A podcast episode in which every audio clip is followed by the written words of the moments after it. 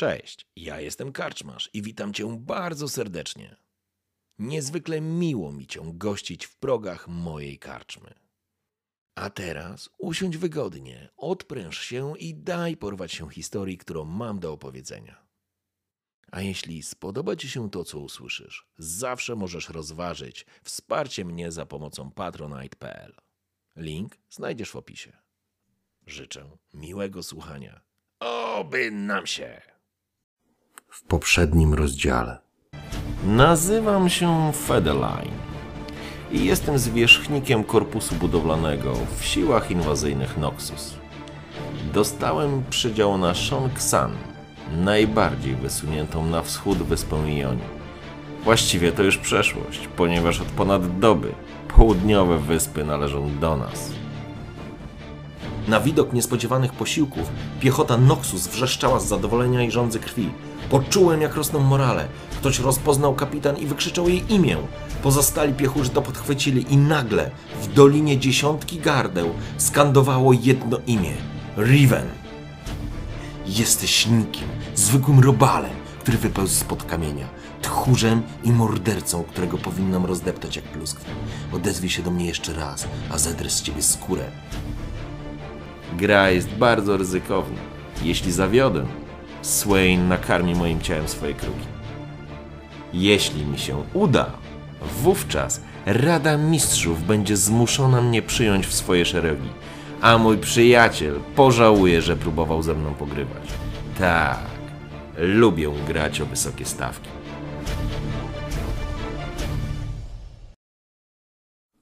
Kroniki Valoranu. Kronika pierwsza. Cena neutralności. Rozdział szósty. W imię miłości. Szepty. Wszędzie słyszę szepty. Chcemy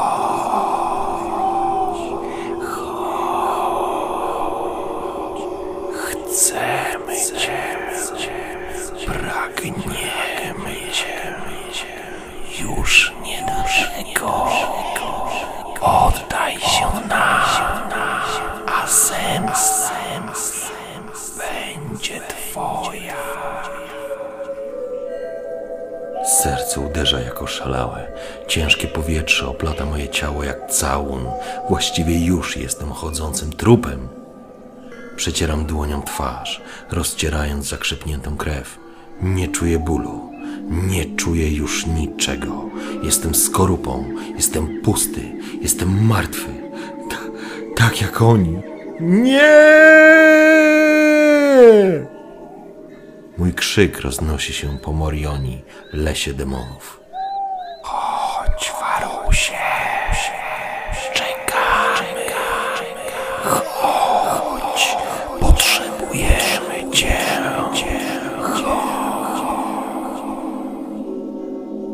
Pojedyncze promienie słońca przedzierają się z trudem przez gęste korony drzew, tworząc mozaikę światła i cienia. W powietrzu nosi się zapach bagien, rozkładu i krwi. Stopy są takie ciężkie. Droga niknie pośród mokradeł. Przeklęta świątynia. Dosłownie i w przenośni. Chodź, chodź, czekam. Obiecamy ci wszystko i wszystko ci dam. Chodź. Powieki coraz wolniej opadają i coraz trudniej mi je unieść. Krople potu spływają mi po twarzy. Brodzę w bajorach i po rozlewiskach. Poruszam się jak we śnie. Echa dźwięków odbijają się dookoła mnie. Błysk. Oślepia mnie jasne światło, jakby uderzył piorun. Nie widzę już nic, słyszę tylko szepty. Już niedługo. Chodź, damy ci wszystko i zabierzemy tak wiele. Uwolnij Nie mam siły zrobić kroku. Łysk.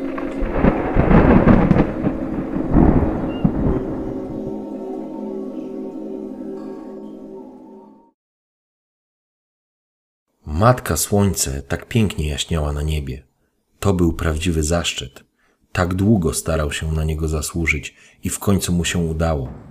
Dźwięki bębnów tajko wypełniały pomieszczenie, w którym starszyzna miała przekazać mu tytuł i obowiązek ochrony świątyni wyklętych. W powietrzu unosił się zapach intensywnych kadzideł, który w połączeniu z dźwiękami bębnów niemal hipnotyzował. Starszy prowincji Ibe podszedł do niego. Przepiękne kimono zdobiło jego wątłą postać. Trzymał w dłoniach pergamin.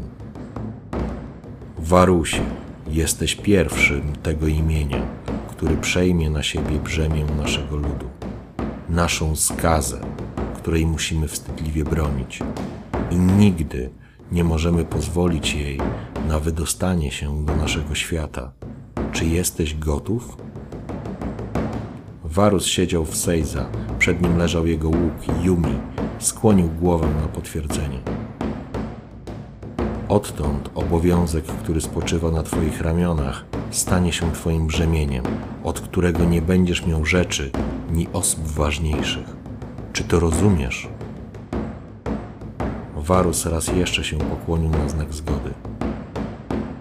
Dniem dzisiejszym Twoje życie nierozerwalnie zostaje związane z obowiązkiem ochrony i opieki nad wyklętym miejscem. Będziesz je kochał i hołubił, jak najpiękniejszą kobietę. Będziesz o nie dbał i się nim opiekował, jak własnym dzieckiem. Czy się na to zgadzasz? Warus po raz trzeci pokłonił się przed starszym prowincji Ibe. Zatem wstań, Warusie, jako Hatamoto Shindenoni i krocz ścieżką Matki Słońca. Błysk.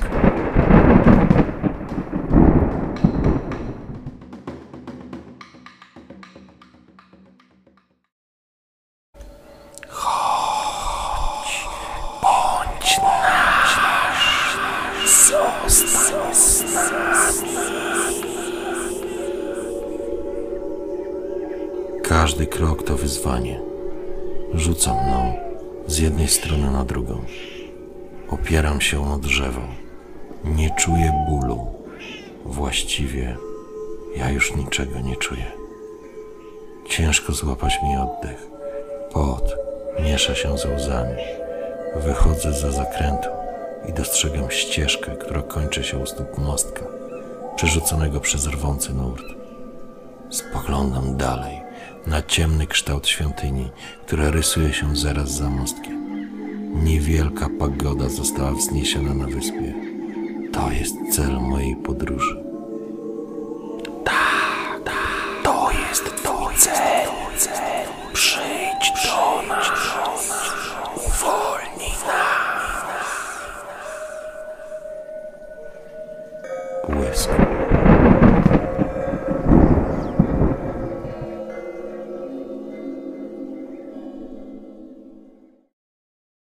Nadeszli po zmroku. Głupcy. Myśleli, że noc przyniesie im osłonę. W Mori Oni nigdy nie było jasno. Nie było różnicy, czy przez korony drzew przebijają się złote promienie Matki Słońca, czy może srebrne wstęgi Ojca Księżyca. Tutaj zawsze panował mrok. Las był pułapką dla tych, którzy go nie znali. Varus miał przewagę. Morioni traktował go jak swojego mieszkańca. Podkomendni kapitana Roche nie mogli tego powiedzieć o sobie i krwawo za to zapłacili. Najpierw usłyszał wrzaski jednego z żołnierzy. Echo rozniosło się po całym lesie. Gdzieś do lotu wzbiły się spłoszone ptaki. Varus stał nieruchomo przy jednym z drzew. Kolor jego tuniki idealnie wpasowywał się w otoczenie. Z daleka wyglądał jak zgrubienie konaru. Przeciągający się skowyt zdradzał, że żołnierz wszedł w żrące źródło. Zaraz przestanie krzyczeć. Dostrzegł kilka postaci, które zbliżały się do świątyni. Szli równym szykiem, pochyleni, wiedząc, że utracili element zaskoczenia. Lekkie zbroje i krótka broń umożliwiała im walkę na małej przestrzeni. Jednak Varus nie zamierzał dać im okazji do dobycia broni. Sięgnął po strzałę. Miękkie, czarne pióro musnęło jego dłoń.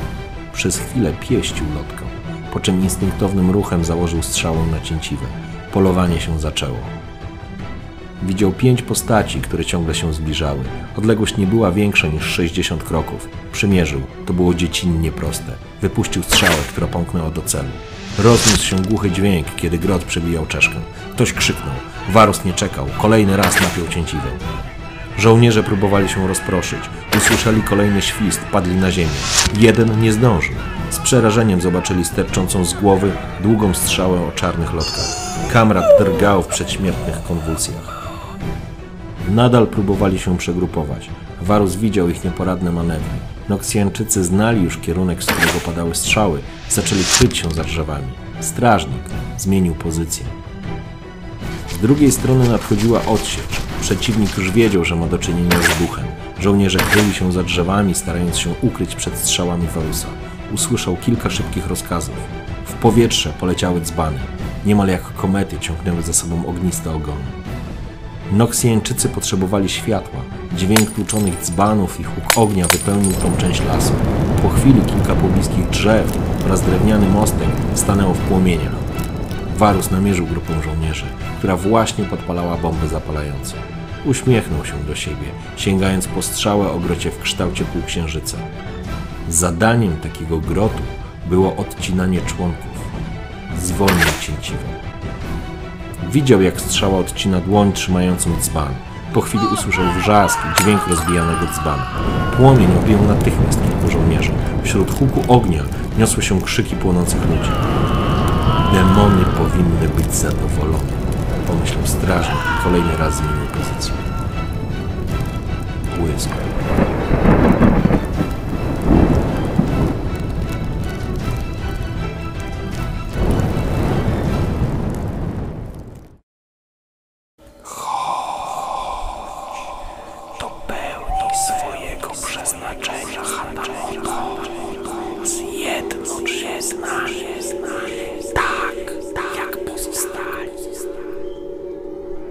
Opieram się na osmalonej balustradzie mostku. Świat tańczy mi przed oczami. Zaczynam się histerycznie śmiać.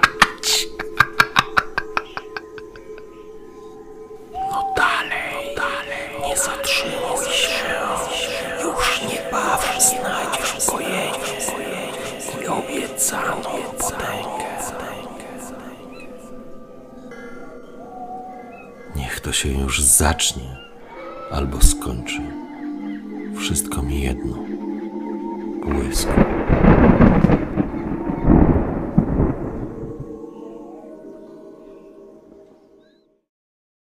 Show Jean wyglądało jakby było pogrążone we śnie. Matka Słońce miała dopiero podnieść swoje złote oblicze. Niebawem miał się zacząć świt. Varus czuł, że wydarzyło się coś strasznego. Widział ślady walki na przedpolach Shoujin, widział ciała żołnierzy oraz mieszkańców. Dostrzegł wypaloną ziemię, jednak nic nie słyszał. Nad doliną panowała martwa cisza. Tego obawiał się najbardziej. Błysk.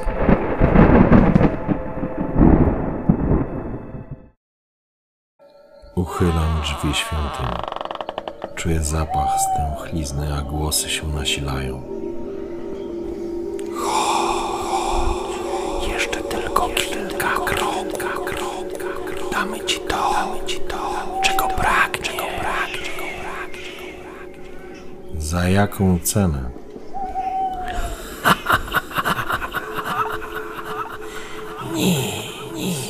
Czego byś już nie utracił, wojowniku.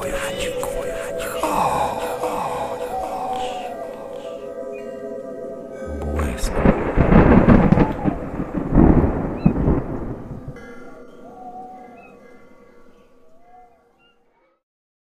W biegu mijał ciała, przeskakiwał nad nimi. Większość z nich znał, ale to teraz nie było istotne.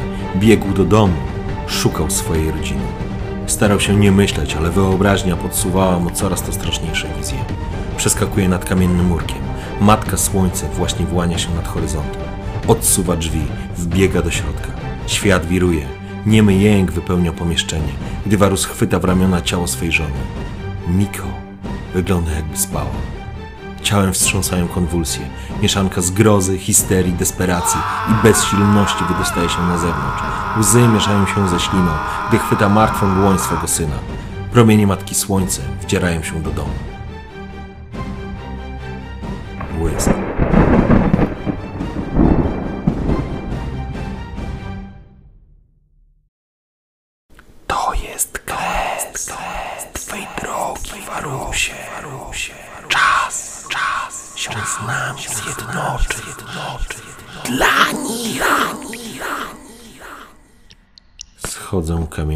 Schodami w dół.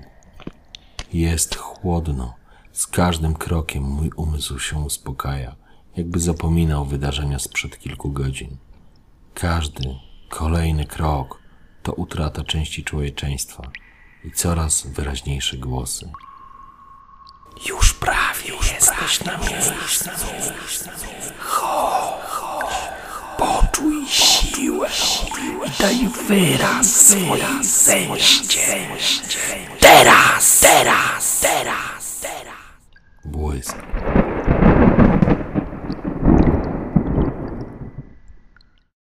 Wchodzę do okrągłej sali, która jest wyłożona kamieniem. Pomieszczenie jest oświetlone czterema magicznymi lampionami. Nigdy wcześniej tutaj nie byłem. Głosy ucichły. Na środku sali znajdują się schody, które prowadzą pod czarną jak atrament wodę. Panuje całkowita cisza. Słyszę tylko dudnienie swojego serca. Wiem, że muszę wejść w tą czeluść. Sam. Każdy mój krok powoduje delikatne drżenie tafli wody. Poruszam się jak kot, ale to niczego nie zmienia. Woda jakby żyła, jakby wyczuwała moją obecność. Stawiam stopę na schodku. Jestem skorupą, żywym trupem. Nie mam niczego, co pozwalało mi czuć się człowiekiem. Teraz widzę tylko zemstę i chęć odwetu. Woda jest lodowata i oleista, przywiera do mojego ciała. Zaprzedam swoją duszę, żeby sięgnąć po moc, a wy mi w tym pomożecie. Rozkazuję wam! Dołączysz do nas. Cykl, cykl się domyka. Lodowata czeluść zamyka się nade mną. W imię miłości schodzę do piekła. Schodzę do otchłani, żeby nieść śmierć mordercom mojej rodziny. Błysk.